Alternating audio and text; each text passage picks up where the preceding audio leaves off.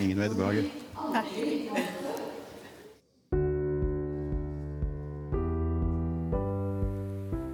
Nå skal vi få snart. Jinglen først. Ja.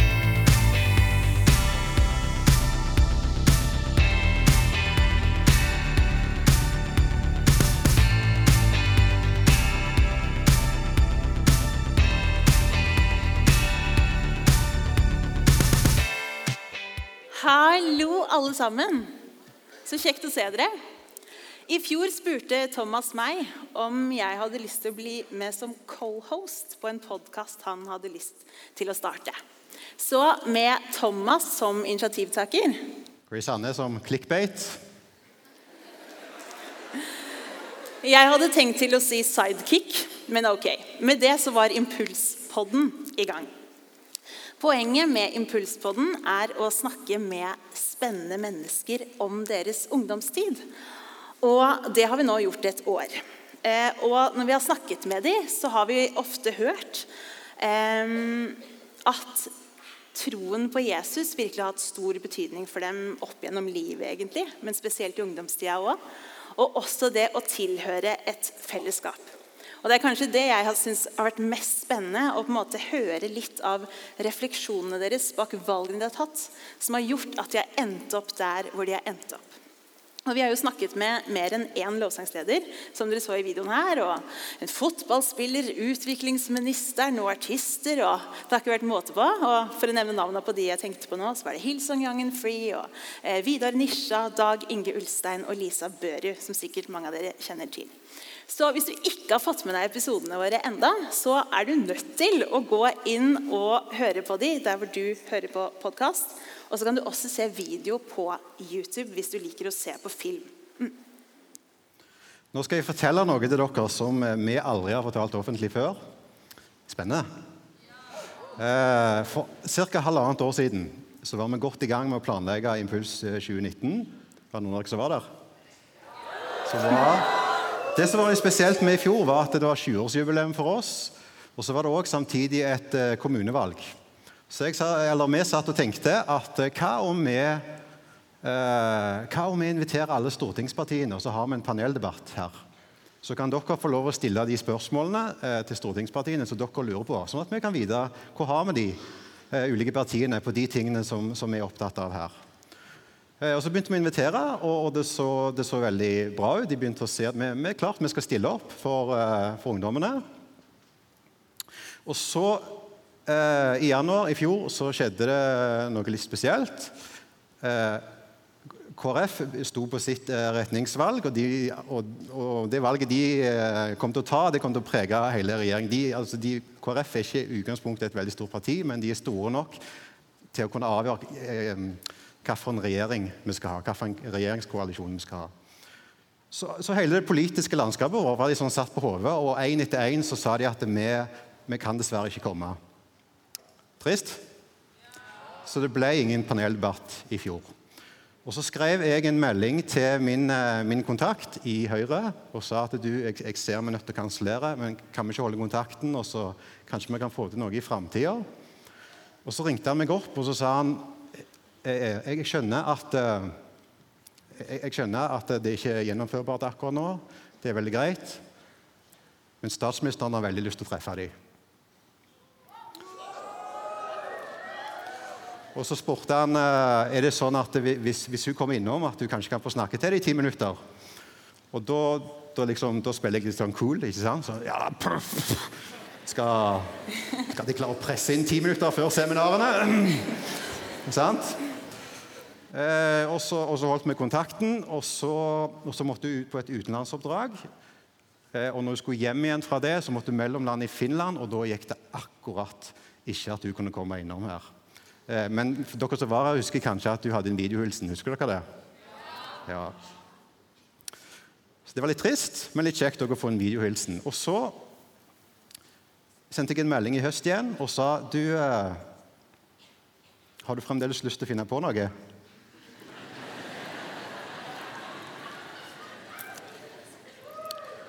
Og Så fikk jeg svar et par dager seinere. Erna har veldig lyst til å treffe ungdommene på Impuls. Men eh, Ja. Eh, men så har, eh, for dere som har fulgt med litt på nyhetene, så har det vært en veldig spesiell uke. Eh, ja, sorry. Jeg beklager. Det, sånn, er, sånn er politikken. Eh, Fremskrittspartiet har gått ut av regjeringa, og, så har, vi, har, har eh, regjeringa som er igjen, vært nødt til å jobbe knallhardt for å finne nye statsråder osv. Så, så Så de tok kontakt og sa at eh, nå er det sånn kaotisk, og så, men det er dessverre nødt til å komme først, at vi må få en regjering på banen. Så de kansellerte f.eks. ryktet sier at de har kansellert uh, World Economic uh, Forum. Men Erna sa 'jeg dropper ikke impuls'.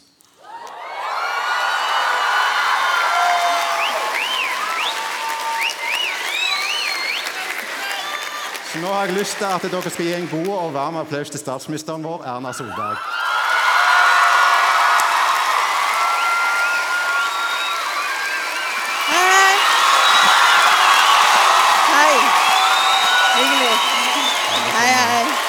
Sitter vi her?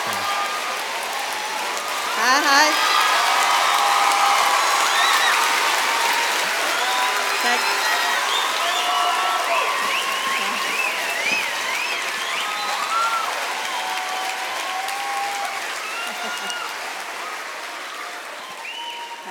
Hjertelig, hjertelig velkommen eh, hit til oss, Erna. Tusen, tusen takk. Veldig kjekt å være her. Veldig kjekt å se hvor mange dere er, da. Utrolig. Ja, sant? Rundt 2600 personer ja. er det her på denne konferansen. Mm. Utrolig kjekt at du ville komme. Du klarte jo akkurat ikke i fjor. Nei, jeg beklager det, men uh, det er vanskelig med sånne lange reiseruter. Ja, sant. Men vi er veldig takknemlige for at du kunne komme i år. Og det første jeg har lyst til å spørre deg om er eh, Hvorfor er det viktig for deg å møte akkurat disse ungdommene som er her på Impuls? For jeg syns det er viktig å møte ungdom fordi vi som er politikere, vi trenger også impuls.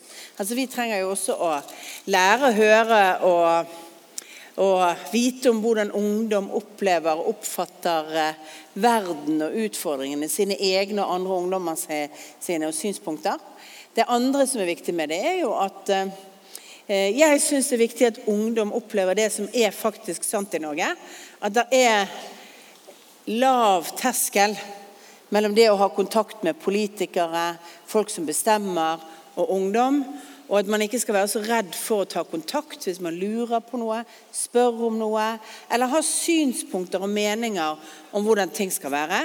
Norge er et veldig likeverdig samfunn, og det er korte veier.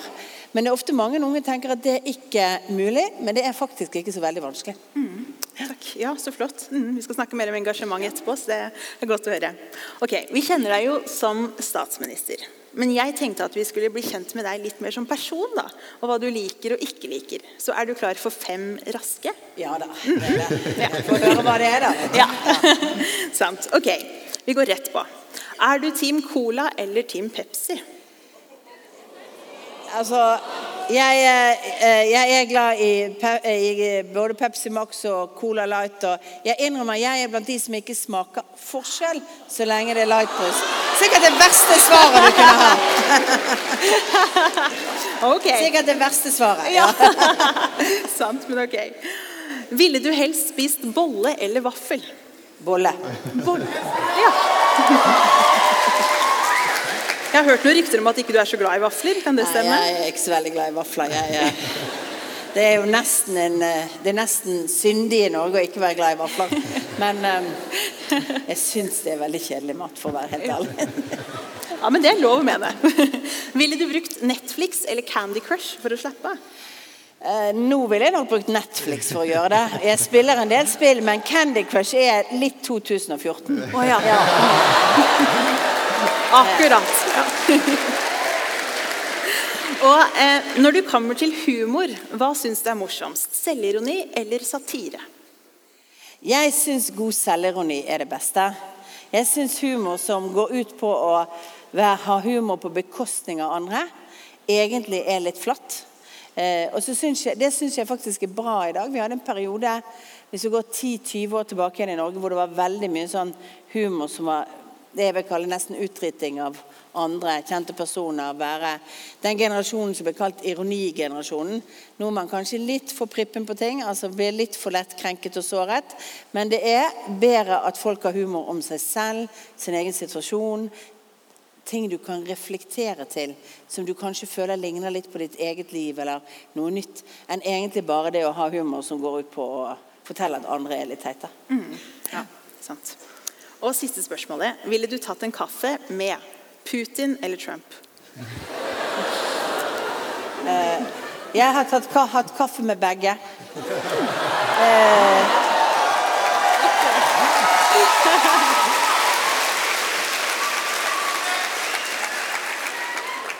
Og så er det sånn at USA er en veldig nær alliert av Norge. Og selv om man kan like eller ikke like de politikerne som et annet land velger i en periode, så er det noen sånne langsiktige ting en norsk statsminister må huske på. Det er at eh, USA er veldig nødvendig for norsk sikkerhet. Eh, Nato er utrolig viktig for norsk sikkerhet. Vi har et godt samarbeid med, med, med USA på veldig mange av disse områdene. Så for meg ville jeg, hvis jeg måtte velge, selvfølgelig si at Donald Trump og USA er viktigere enn Russland. Men Russland er naboen vår, og vi skal ha et ordentlig og godt forhold til begge. Ja, sant.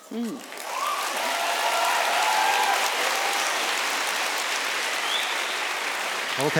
Um, Erna, vi er på et kristent uh, ungdomsmøte. Et litt stort et, riktignok. Men hvert kristne ungdomsmøte med respekt for seg sjøl må ha en eh, konkurranse, må det ikke det? Så vi, vi har eh, en lærer, vi har flere lærere, men vi har snakket med en lærer som underviser i 5. klasse, og har funnet tre spørsmål fra 5. klassepensum. Og så skal vi ha 'Er du smartere enn en tenåring?' Tar du utfordringen? Ja, men jeg vet jo at det er noen områder jeg er grådig dårlig på. Så det. Ja, vi får se. Ja. Ok, så mens vi Sanne hjelpe oss med white balls, Er det noen som har lyst? Vær så god, kom igjen. Ja, kom.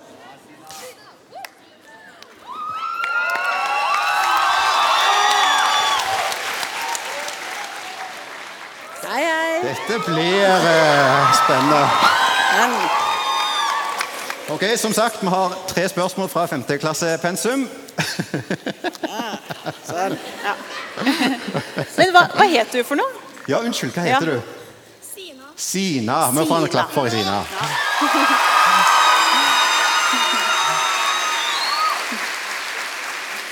Ok, For at dette skal være helt fair, så som dere ser, de har fått whiteboards, og så må de skrive svaret sitt, og så blir- bes de om å avgi svaret eh, samtidig. ikke sant? Dere har vært med på dette før? Ja. Ok. Nå, du ser veldig spent ut. Ja, ja, ja, ja, ja.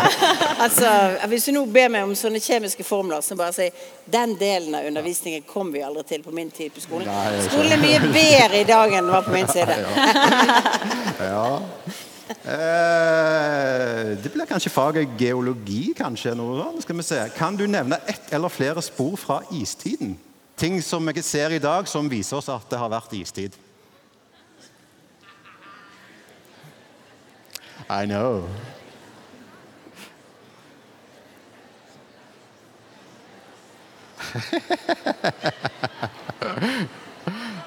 Stine, er du klar? Bra. Ok, da snur de. Én, to, tre. Udala, bra. Fjord, høye fjell. Ja, Vi må gi deg poeng begge to.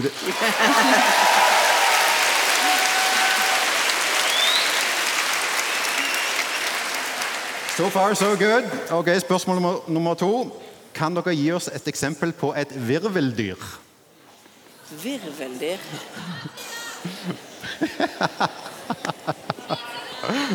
Det er femteklassepensum. Ja, men jeg leste gjennom alle spørsmålene, jeg, og Jeg visste svarene det. Jeg visste det ikke. Nei, ikke jeg heller. Ja, ja, ja, ja, ja. Ja, Ok, flott. Får vi svaret på én, to, tre. Tusenben. Tusenben og slange. Jeg tror begge to er feil. Ja.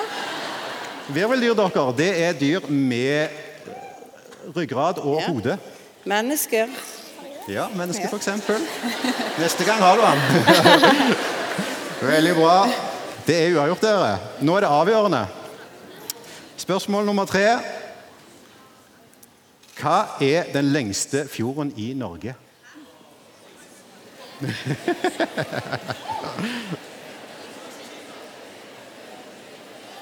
Den ikke lengste elven. Å, nå er jeg på elv, jeg. Sånn. Den lengste fjorden i Norge.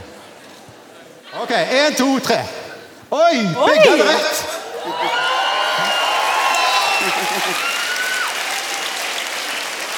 OK. Det er, det er superbra. Sina må få en kjempe, kjempestor applaus.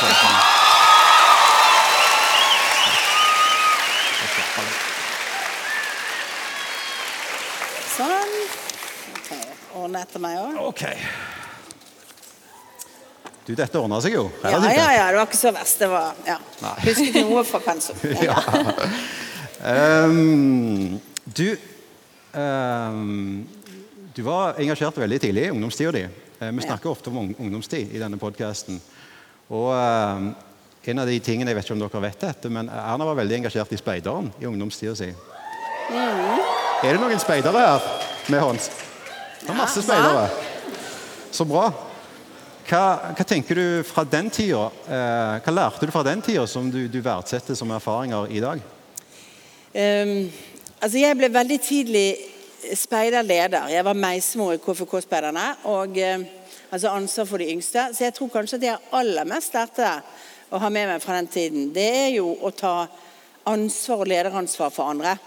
Eh, og, og dermed kunne organisere og gjøre den typen ting som på en måte du gjør når du har et lederansvar. Men også det jeg tenker at jeg fikk tillit til å ta med meg en haug med åtte, ni, ti år gamle unger på hyttetur en helg. Og jeg var 14 og et halvt år, og to andre jenter som var 15. Og foreldrene deres stolte på at vi kunne faktisk både få de igjennom at vi skulle gå et stykke, men også på en sånn hytte som, eh, som da skulle organiseres og annet. Det tror jeg kanskje det har fått aller mest med at du, du får den mestringsopplevelsen det er.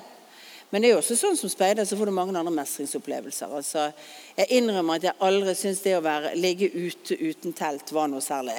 Altså, eh, Myggen er veldig glad i meg. Det, det var alltid sånn. Men, men, eh, men det å bygge leir, det å kunne organisere, det å ja, Masse små og store ting. Alt fra livredning til eh, kakebaking. Det er jo sånn du gjør i speideren. Du har merke for det meste. Ja. Men så i midten av tenårene, da, du er vel rundt ca. 17 da, tror jeg, hvor du går mer og mer inn i politikken, eller politikken tar over hverdagen din. Hva var det med politikken som engasjerte deg så? Altså, jeg, jeg var veldig samfunnsengasjert hele tiden. og Det mener jeg var også en del av det du gjør når du er speider og aktiv og jobber med speiderjobben og andre ting. Og, og sånn. Eh, og så var jeg samfunnsinteressert og opptatt av det. Og så på et tidspunkt da, så hadde jeg smakt litt rundt i det politiske landskapet på sånn hvem har ideer og tanker. På mitt gymnas så hadde vi laget en, eh, altså det som er videregående skole i dag, så hadde vi laget en eh, en jentegruppe. Dette var jo på 70-tallet, så dette var jo veldig sånn likestillingsdebatt. Og i den gruppen så var det mange som var opptatt av både likestilling og jentekamp, og, men var veldig sånn opptatt av at det var strukturer og systemet og, og liksom patriarkiet og ja, altså, sant? Eh, Litt sånn inspirert veldig langt ute på venstresiden. Og jeg tror egentlig at jeg klarte å definere da at for meg dreide likestilling seg om rettferdighet, men det dreide seg om å gi jenter mulighet, og det dreide seg om å se enkeltindividet. Og det var en grunnleggende grunn til at jeg ble med i Unge Høyre når jeg ble, gikk inn i et politisk parti. Det var troen på enkeltindividet. Det at når du får like muligheter, når du får mulighet til å bruke talentene dine, ja, så kan du også gjøre endringer i samfunnet. Så jeg pleier å si jeg er litt atypisk, for jeg gikk inn i Unge Høyre selvfølgelig fordi jeg var opptatt av skolepolitikk som er en viktig grunn til å være med. Men også fordi jeg var opptatt av likestilling og fordi jeg var opptatt av rettferdighet i verden. Fordi at eh, jeg mener at de svarene vi hadde, og de svarene som jeg vil kalle borgerlig politikk, som du tror på både markedsøkonomi og utdanning som veien til, til, eh, til eh, utvikling, er, var viktige svar. Eh, og ikke det som jeg da opplevde som var, var mye mer polarisert den gangen på veldig sånn sterk ytre venstreside. da, Som var veldig mye mer sånn eh, Du må rive systemene og, og ja, mm. ha helt andre samfunnsstrukturer. Ja, sant. Ja, du nevner noen, av ting, noen ting av det, det jeg har lyst til å spørre om nå. Men ofte så snakker jo folk om, i hvert fall i mine settinger, da, at ja, vi skal forandre verden og gjøre verden til et bedre sted. Og du har snakket om dette å gjøre en forskjell. Var det viktig for deg allerede da? Ja. Eh, det å gjøre en forskjell, det å ikke bare det å ha en mening, men det å bidra til at ting endrer seg. Eh, når jeg eh, altså, Og det er rare sånne små ting som på likestillingsområdet. Når, eh, når jeg var så gammel som noen av dere er, hvor verneplikten nærmer seg og sånn, den gangen hadde ikke jenter lov til å være i noen stridende stillinger i Forsvaret, f.eks. For eksempel. altså, det var ikke lov til at de kunne være soldater i det norske forsvaret. De fikk være noe som het lotter. Det betød at de stort sett drev med sanitetsarbeid og annet.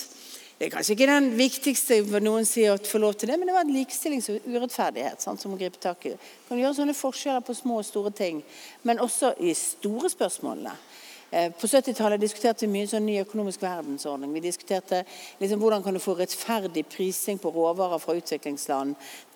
Hvordan skal du få til utvikling og og, og, alt det som var viktige, eh, viktige, debatter. Og Noen sa at svaret var sosialisme.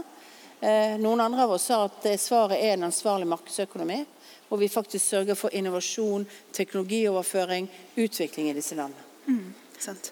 Fordi at Du engasjerte deg jo veldig tidlig. da. Men det jeg tenker på, når, eller hvor gammel var du da du innså at ja, det hjelper faktisk å engasjere seg? Um, det Altså, Vi aksjonerte voldsomt for altså dette er jo, Lokalpolitikkens bit er jo sånn, Vi aksjonerte voldsomt for å få en fotgjengerovergang for ungdomsskolen min. Det fikk vi. Um, for alle gikk den veien, og de mente at vi kunne gå liksom lenger og rundt et kvartal lenger bort. og alt sånt. Men hvis du, hvis du har dårlig tid til å nå skolen, så går du over veien på et farlig sted. Og eh, det var et par ulykker. og til slutt så, da, så du merket det, og det var før jeg var på politisk aktiv, at vi, vi mm. fikk faktisk Eh, fotgjengerovergang der. Ja. Eh, men eh, altså jeg syns jo både at gjør en forskjell, men jeg syns også den politiske debatten var gøy. Når du er ungdom, så er det gøy å diskutere og vinne. og Den gangen så hadde vi jo debatter på Vi hadde ikke bare skolevalg, for det var, det var jo sånn at du ikke hadde stemmerett før du var 20. De fikk stemmerett da jeg var 18 det året jeg ble 18. så det var sånn, men, men, men akkurat når jeg begynte å være politisk aktiv, så var det jo ofte sånn litt mer politiserte valg til det som er elevorganisasjoner, så du kunne vinne noen saker og få til ting. Ja. Mm. Ja. Um, jeg må innrømme at i akkurat det tilfellet så har jeg faktisk eh, forberedt meg litt. uh, og, når, og, når, jeg har lest den, så ser jeg det er, en, det er en del som omtaler deg som lyseblå. Og, og, det handler jo kanskje litt om det, det som du nevner, med sam, altså engasjementet ditt for for eh, de som kanskje ikke har det så bra, eller de som ikke har så gode alternativer. Det viste du tidlig. Eh, eksempelvis så Du var nasjonal leder i Operasjon Dagsverk. Var med å bygge en skole i, i Jamaica for jenter, tror jeg. Eh, så, så, det engasjementet du, viste du tidlig. Og så er jo dette òg noe som er utrolig viktig for oss. Vi har f.eks. En, en, en mann her på huset som går i kirka her, og som, som bidrar i barnearbeidet her, som, eller barneopplegget heter det. Unnskyld. Uh, stor forskjell. Ja. Stor forskjell. Uh, han heter Arne Viste, bare for dere. Uh, for dere så er Arne Arne er en voksen mann her med, med, med familie og hadde en god jobb. Og så, og så En dag så ble han kjent med, med, noen mennesker som gjorde veldig inntrykk på han. De hadde de fikk avslag på oppholdstillatelsen, og samtidig så var det forskjellige grunner til at de ikke kunne bli, eller ikke fikk lov å bli her i landet. Og, eh, og mens de er i den situasjonen at de, de, de får verken lov å bli, eller, eller vi, vi, kan ikke sende dem noe sted, så får de heller ikke anledning til å, å jobbe. Og, og, og, for Arne så var det gikk ikke det helt opp, for det var grunnlovsstridig. Så han, han kjemper nå en sak i, i rettssystemet vårt. eh, om det i, en sak der Arne har alt å tape, og de han kjemper for, har alt å vinne. Eh, så vet jeg det, det, det, det, skal rimelig mye til at Norges statsminister skal si noe om en pågående rettssak. eh, men, jeg er jo litt sånn nysgjerrig på altså, altså de, de, um, de ureturnerbare sin, sin, situasjon. Hva tenker du eh, om det, og hvorfor, hvorfor er den prinsipielt så utfordrende for oss? Ja, akkurat det med om jeg er lyseblå eller mørkblå. det er litt avhengig av hvem som sier i hvilken sak så blir jeg, får jeg mørk, mørkeblå, lyse, lyseblå og sånn. Det er litt sånn politisk eh, stempling av folk. Eh, eh, når det gjelder disse spørsmålene, så er det viktig å huske vi har i Norge et regelverk som gjør at hvis du er reelt ureturnerbar, så kan du få opphold i Norge. Og det er folk hvert eneste år som får opphold i Norge fordi man har vært åpen om opplysningene sine, man har samarbeidet med myndighetene. Man eh, kan ikke eh, men, men, man får likevel ikke det landet du kommer fra, til å ta imot deg. Og da kan du få opphold. Det er en regel som ligger i en unntaksregel. Så er utfordringen hvis vi skulle sagt at de vi ikke kan tvangsutsende, de får opphold i Norge, ja, da betyr det at veldig mye av asylpolitikken vår vil rakne. For det betyr at alle som kommer fra land hvor det er vanskelig få myndighetene til å akseptere tvangsretur, men hvor du kan reise tilbake For det er mange land du kan reise tilbake til, men du må selv samarbeide om det.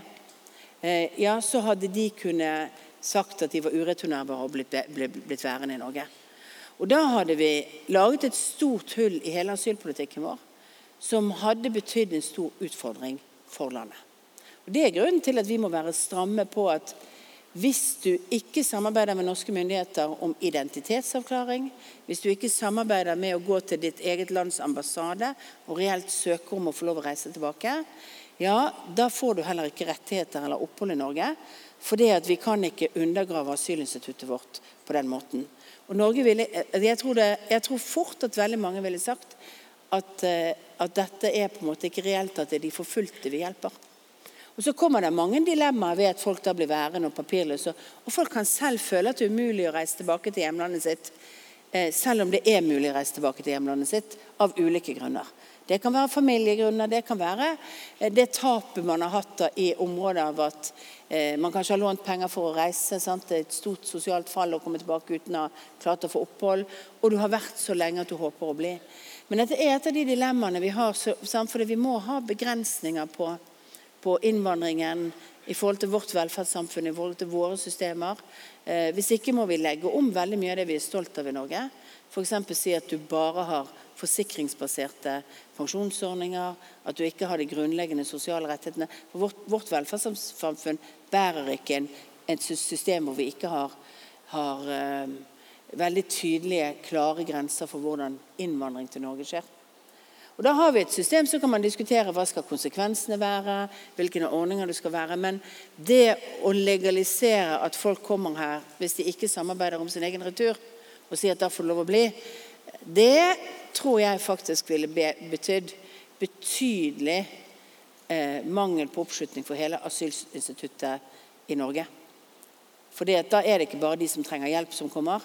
Da er det de som ønsker å komme fordi at Norge er et bra land å bo i, med høy velferd og større muligheter. Men vi kan ikke løse alle utfordringene på den måten. Mm, ja. um, jeg tror vi skal ta noen spørsmål fra salen. Mm. Marte, er du der ute? Her borte står jeg. Der er du. Så jeg har funnet to ivrige ungdommer som ja. har veldig lyst til å stille deg et spørsmål. her da. Ja. Så vi kan starte med deg. Hva heter du, og hva har du lyst til å spørre her om? Jeg heter Elise, og eh, jeg tenkte på at du er jo statsminister og jobber med å gjøre landet vårt til det beste mulige som går an å bo i. Og så lurer jeg på hva du tenker vi kan gjøre for å være med og gjøre en forskjell og bidra der som vi er i vår situasjon. Jeg tenker det er utrolig mye, uh, mye man kan gjøre i vårt samfunn for å bidra. For det første så er det jo grunnleggende jeg mener at ungdom bør engasjere seg politisk. Altså bidra til beslutningene, ikke tenke at det er bare for voksne. Det tror jeg er viktig. Men så er det jo utrolig mange samfunnsproblemer vi har, som dreier seg om at uh, vi som enkeltmennesker kan bidra litt mer for å gjøre noe med dem. Uh, inkludering av nyankomne innvandrere til Norge, f.eks. Jeg har jo vært minister for dette for lenge siden, sannsynligvis før dere var født. så det mange av dere. Men en av de tingene mange innvandrere sa til meg, er at det er så kjempevanskelig å få venner i Norge. Altså, Du kan være på jobb eller gå på skole, men særlig voksne de opplever liksom at det er vanskelig å komme i kontakt og være venner.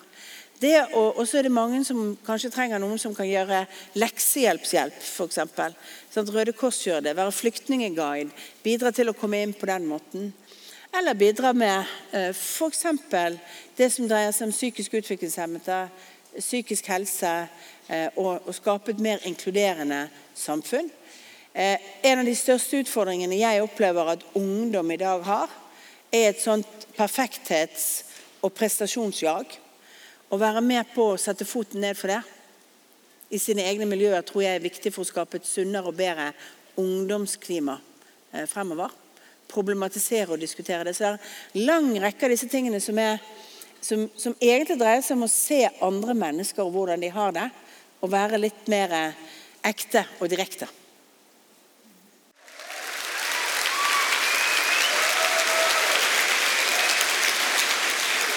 Og du har også et spørsmål, så kan du ikke fortelle hva du heter, og hva du ønsker å spørre?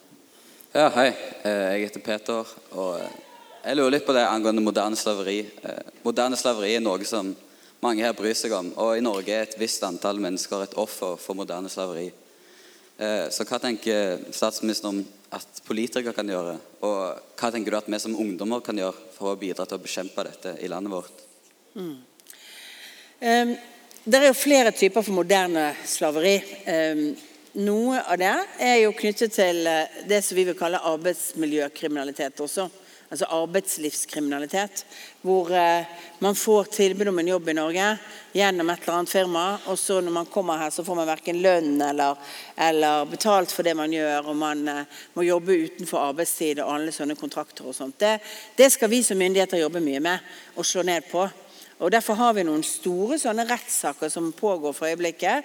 Nettopp om folk som er kommet til Norge som en del av et kompleks. Sant? Hvor, hvor en del av de som har kommet, har, har rett og slett levd i slavelignende forhold ved at de reelt sett ikke har fått lønn for den jobben de gjør. Kan være slektninger, venner eller folk som på en måte får et opphold i Norge pga. en, en arbeidstillatelse, men reelt sett ikke får de pengene de skal ha. Eh, Det er en viktig jobb for myndighetene å gjøre for, å, for å, å, bidra til å avdekke det. Men det betyr også at eh, eh, ting som er utrolig billige eh, Bør dere kanskje stille dere spørsmål om er det reelt sett sånn at folk får de ordentlige arbeidsvilkårene da, når dere kjøper de tingene? Eh, vet dere hvor opprinnelsen fra ting kommer? Eh, på hvilken måte dette er kommet? Eh, Så vi har også noe å gjøre som forbruker og stille bevisste spørsmål til næringsliv og andre om hvordan har dere produsert varene deres. Er dere sikre på at, eh, at de folkene som jobber hos dere i denne restauranten eller pizzeriaen eller et eller annet sånt, har de faktisk ordentlig lønn og ordentlige arbeidsvilkår? All, all den typen ting er det viktig å, å, å, å faktisk eh, eh, peke på. Og ikke være så redd for å gi beskjed om at man syns at noe er galt et eller annet sted. F.eks. om det er galt til man gir beskjed til Arbeidstilsynet eller man gir beskjed andre steder om at de bør sjekke det stedet hvis man ser ting som er urimelig.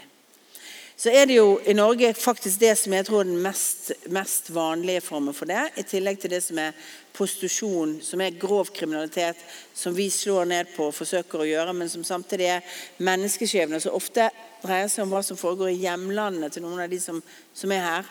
Fordi at de ofte har et, er organiserte kriminelle som har et grep på familien, på ungene dine og kan straffe deg andre steder. Og det er et kjempestort dilemma. For det er klart at Hvis en jente som har barn i et annet land eh, prostituerer seg i Norge og har en hallik og en organisert kriminell gruppe bak, så er det likevel veldig vanskelig å hjelpe henne her hvis vi ikke har et system for å hjelpe barna hennes der de er. Derfor er jo det internasjonale samarbeidet veldig viktig. Og Det tredje punktet nå vet jeg jeg snakker lenge, det er jo, er jo det arbeidet vi gjør nå i alle politidistrikter som går på overgrep mot barn og unge. For i den biten så ligger det mye bestilling av overgrep i andre land, og hvor norske menn primært er med på, å, ja, med på at det er sexslaver i andre land. Eh, mindre i Norge, men i andre land. Og det er utrolig viktig at vi fortsetter å prioritere det arbeidet vi gjør mot overgrep mot barn og unge, og mot nettovergrep. Og det er helt skremmende å ha møter med norsk politi når de nå runder opp kanskje saker som har begynt med norsk ungdom som har fått ubehageligheter og et nude-bilde eller noe sånt som er sirkulert, og så kommer de inn på altså menn som sitter og bestiller eh, grove overgrep mot barn og unge i andre land som lever i slavelignende forhold. Og det er eh, derfor viktig at dere også anmelder og tar opp de sakene som dere opplever som små utfordringer, eller f.eks. hvis det er noen som opplever filmer, videoer og annet som er på avveier og annet. For bak disse tingene så blir de også utnyttet, og da er det lettere å få tak i de som har beveget seg ut i den der gråsonen som det er, eller helt svarte hullet, etter min mening. Det er å faktisk eh, bidra til at barn opplever den typen grove overgrep, som dessverre skjer.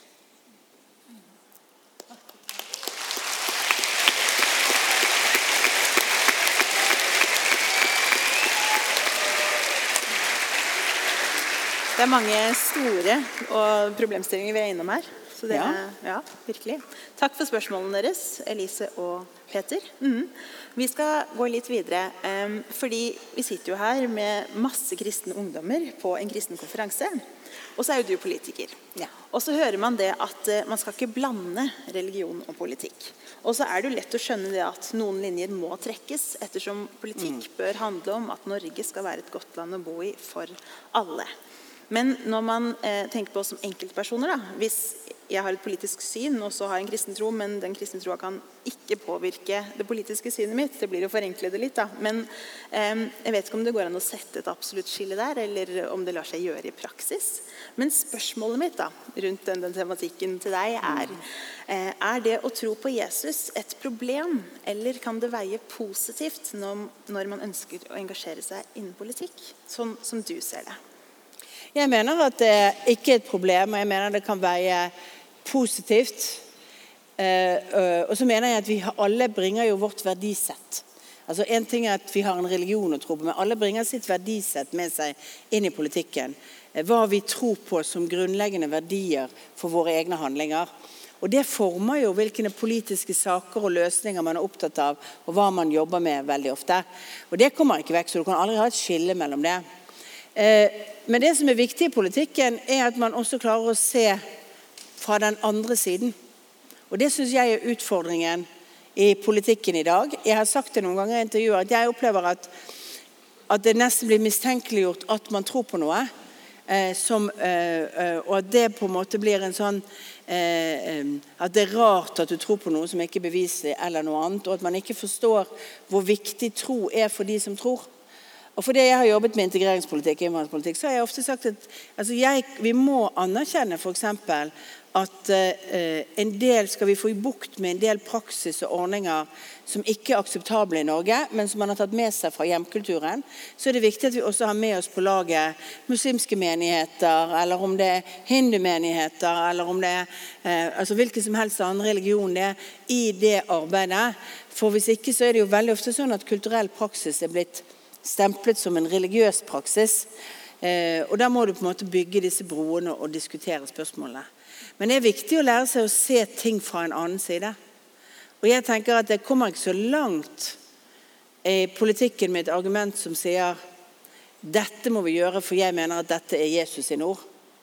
Du må argumentere litt lenger for å si det sånn, for å overbevise noen andre. Du må snakke om hvorfor det er riktig, og løsningene. Og det er der jeg tenker at av og til er det. Så må vi tenke over at det er noen dilemmaer.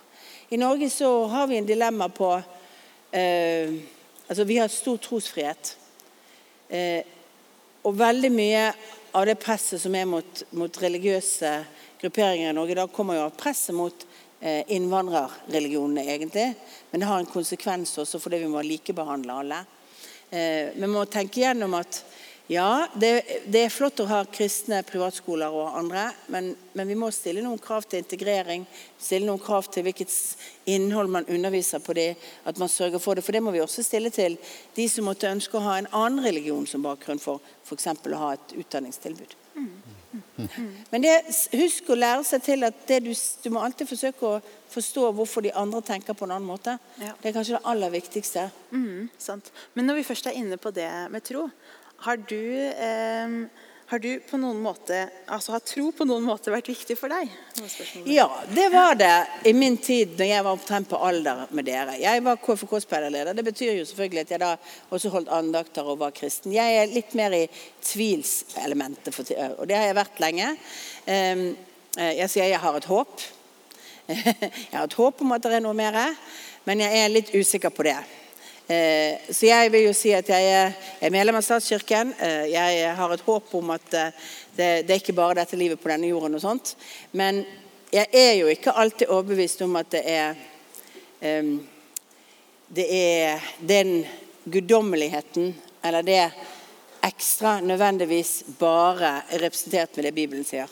Eller det Norsk kirke. Det kan godt tenkes at det er vår kulturs fortolkning av guddommeligheten. At det er vår historie om guddommeligheten. Og Da kan det være andres historie som også er egentlig om akkurat det samme. Eh, og det, det gjør jo da at jeg er litt mer i tvil enn jeg var på det tidspunktet, da, hvor jeg var, var litt mer eh, kanskje eh, engasjert og, og aktiv i forhold til min menighet og i forhold til å være KFK-speiderleder. Men eh, eh, det er så mener jeg at det er noe av det aller viktigste å anerkjenne hvor viktig kristendommen har vært for utviklingen av det vi kaller et humanistisk menneskesyn i dag. De, det, det som er grunnlaget for vårt samfunn. Historien og tradisjonen og alt sånt er viktig. Men det er noen begreper som kommer fra Som jeg mener vi må føre tilbake til, til Nytestamentet, til, til budskapet til Jesus og annet. Og et av mine yndlingsbegrep er altså tilgivelse.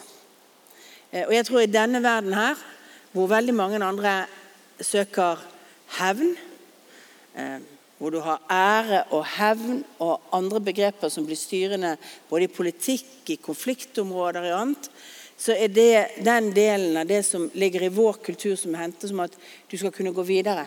Tilgivelse, nåde, bli ferdig. Sant? Samfunnet kan gå videre. Det er så ekstremt viktig for å skape de samfunnene hvor folk kan leve side om side, toleranse, og at du kan gå videre som menneske. Jeg tror, tror den eh, oppgjøret med den som, som i og for seg ligger i Det gamle testamentet, også hevntankegangen, at det oppgjøret med det er som viktig del av vår kultur. Derfor er det jo utrolig viktig, eh, det som er budskapet. Selv om jeg da altså ikke er helt overbevist om at det finnes én Gud, og at Jesus Kristus var hans sønn eh, lenger. Det beklager jeg, men jeg tror kanskje at det finnes én guddommelighet, og så kan det være litt forskjellige kulturelle uttrykk for det. Ja. Mm. Nei, men takk for at du deler dine tanker om tro Mass. Mm.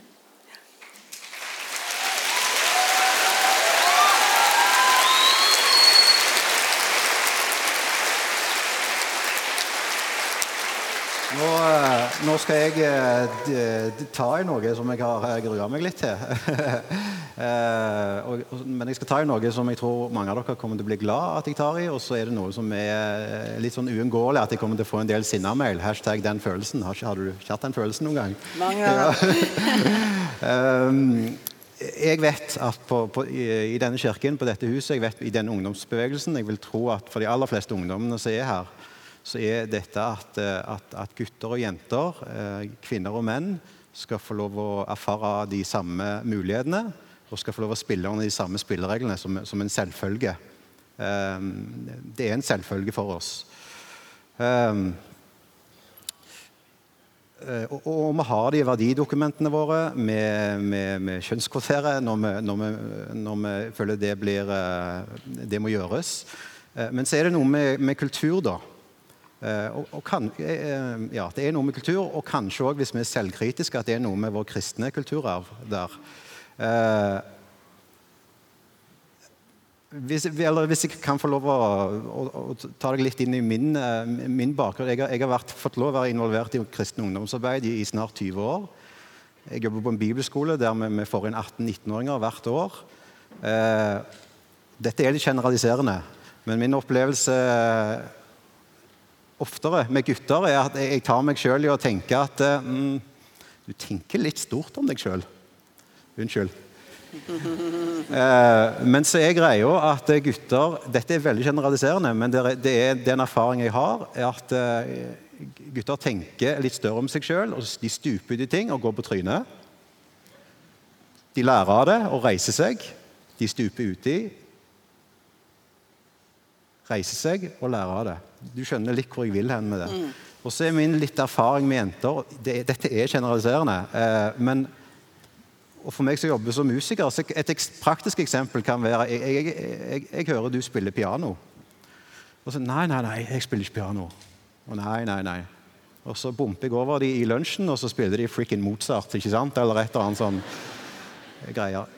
Igjen, dette er generaliserende greier, men, men det er min refleksjon etter å ha jobba med ungdommer i, i 20 år, at det er noe med gutter som av og til tenker for litt, litt stort om seg sjøl, men som òg over tid gjør at de, de havner i de, um, de havner i lederposisjoner som handler om kultur.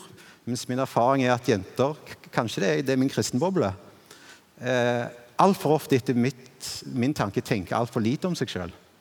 De burde tenke mye høyere om hva betydning eh, de kan ha. Så, så mitt spørsmål er jo på en måte eh, Vi har jo disse verdiene, vi har det i verdidokumentene våre. Vi, har det, vi ønsker å få jenter opp og fram, og så er det noe med kultur som er litt seigere. Skjønner du hva jeg mener? Hva tenker du vi kan gjøre f.eks. her, eh, med disse mm, ungdommene? Hva, kan vi gjøre for å prege kulturen vår, sånn at jenter og gutter tenker stort om seg sjøl og det de kan bety? Men jeg tror ikke dette er helt spesielt for eh, liksom, kristne organisasjoner eller kristen bevegelse knyttet til, til, eh, til akkurat dette. Jeg tror dette er eh, det er generaliserende, men jeg tror liksom hvis du tar den store hopen av gutter og den store hopen av jenter, så tror jeg dette er et bilde som stemmer litt overens med hele, ja, med hele vårt samfunn. Um, det gjør det også med voksne damer. Det jeg pleier å si når jeg, har sånn, jeg er gammel kvinnepolitisk leder i Høyre, så veldig mange jenter de skal kunne jobben 120 før de sier ja til den, og veldig mange gutter regner med at når de kan 80 av den, så går dette fint. Um, Eh, og, det, og da snakker vi om gutter i alle aldre, altså? Altså, sånn, og jenter i egentlig alle aldre. Eh, og det, min oppfordring er alltid at jenter må tørre mer. Må tørre å prøve, tørre å si ja til ting. Det er det du lærer på. Så har vi Litt av utfordringen i dag er at veldig, det er en økende andel jenter som rapporterer om psykiske utfordringer og psykiske problemer. Og jeg tror at det er litt om at man skal være så flink på alle områder. Og det må man på en måte få litt ned skuldrene på. Sant? Det er både at folk er bra nok som de er, men også at du kan ikke være flink på alle områder. Du kan ikke både være altså, Det er veldig vanskelig å få til alt på en gang. Og da må du gjøre noen valg og gjøre det som er viktigst for deg, og gjøre den typen prioriteringer. Men en av de tingene er å tørre å si ja. For det er ingen personer som er fullt ut kvalifisert for den jobben som gjør at de vokser. De er fullt ut for jobben, kvalifisert for den jobben som gjør at de stagnerer. Så hvis ikke du tør å si ja til en jobb du kan vokse i, så betyr det at du heller ikke utvikler nye ferdigheter eller nye ting. Eh, Det er altså sånn at øvelse gjør mester, og da må du iallfall melde deg på. Sant? Og Det tror jeg alle må ta med seg, uansett om du er gutt eller jente. Du må melde deg på, si ja. Og så går det an å si 'dette likte jeg ikke'. Dette har jeg ikke lyst til. Ikke et nederlag å si at 'dette var ikke det som var min ting', nå vil jeg heller gjøre noe annet. Fordi du ikke følte at dette var det riktige for deg. Men det sier jeg til unge jenter i politikken. jeg sier det alle. Du må på en måte tørre å si ja når folk spør, og ikke tenke at 'jeg er ikke god nok til dette'. Men jeg forteller en hemmelighet. Det er faktisk sånne ting jeg av og til hører når jeg til og med skal spørre folk om bli statsråd. Jeg er, sånn, er du sikker på at jeg kan klare den oppgaven? Det har jeg ikke hørt fra noen menn jeg har spurt, men jeg har hørt det fra noen damer. Og jeg vil fortelle en ting, at jeg lærte på et tidspunkt, nettopp fordi at jeg har vært kvinnepolitisk leder og har snakket mye om dette. Når jeg fikk den første runden på spørsmål på et tidspunkt om jeg kunne, om jeg kunne tenkte at jeg kunne bli statsminister, det var når jeg ble, ble, ble um, foreslått til å bli leder i Høyre så hadde jeg bestemt meg for at jeg ikke skulle si så alt det som alle jenter sier. da, Hvis og fremt i fall. tenkte jeg, Skal du bli statsminister, så må du i hvert fall tørre å si at du kan bli statsminister. Og da sa jeg ja, jeg har sett rundt meg, jeg har sett hvem som har vært. Jeg tror jeg kan bli det òg. Det var egentlig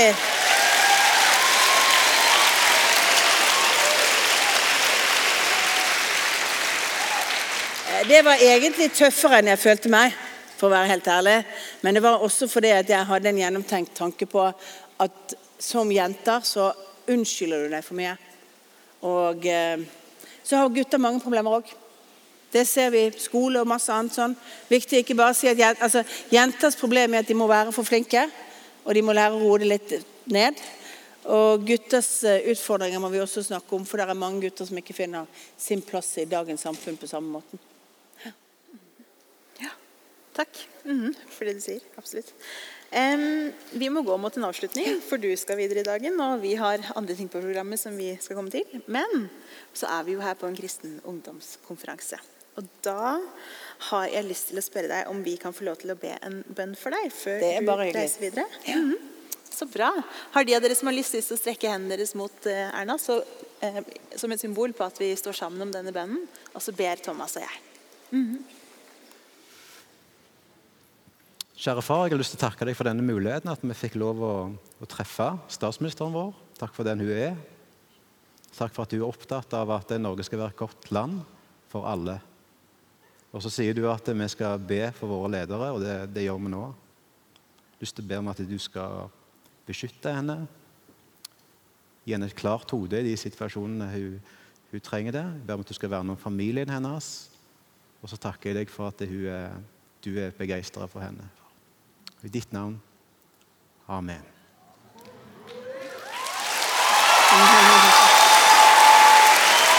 Og så eh, Og så til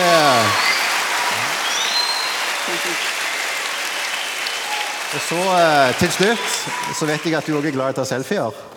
Ja, men nå er mobilen min en plass. så vi lurer på om eh, vi kan få ta en selfie med dere i bakgrunnen. Kan vi det? Der er mobilen, da. Se om den blir like dårlig som gårsdagens. Skal vi se.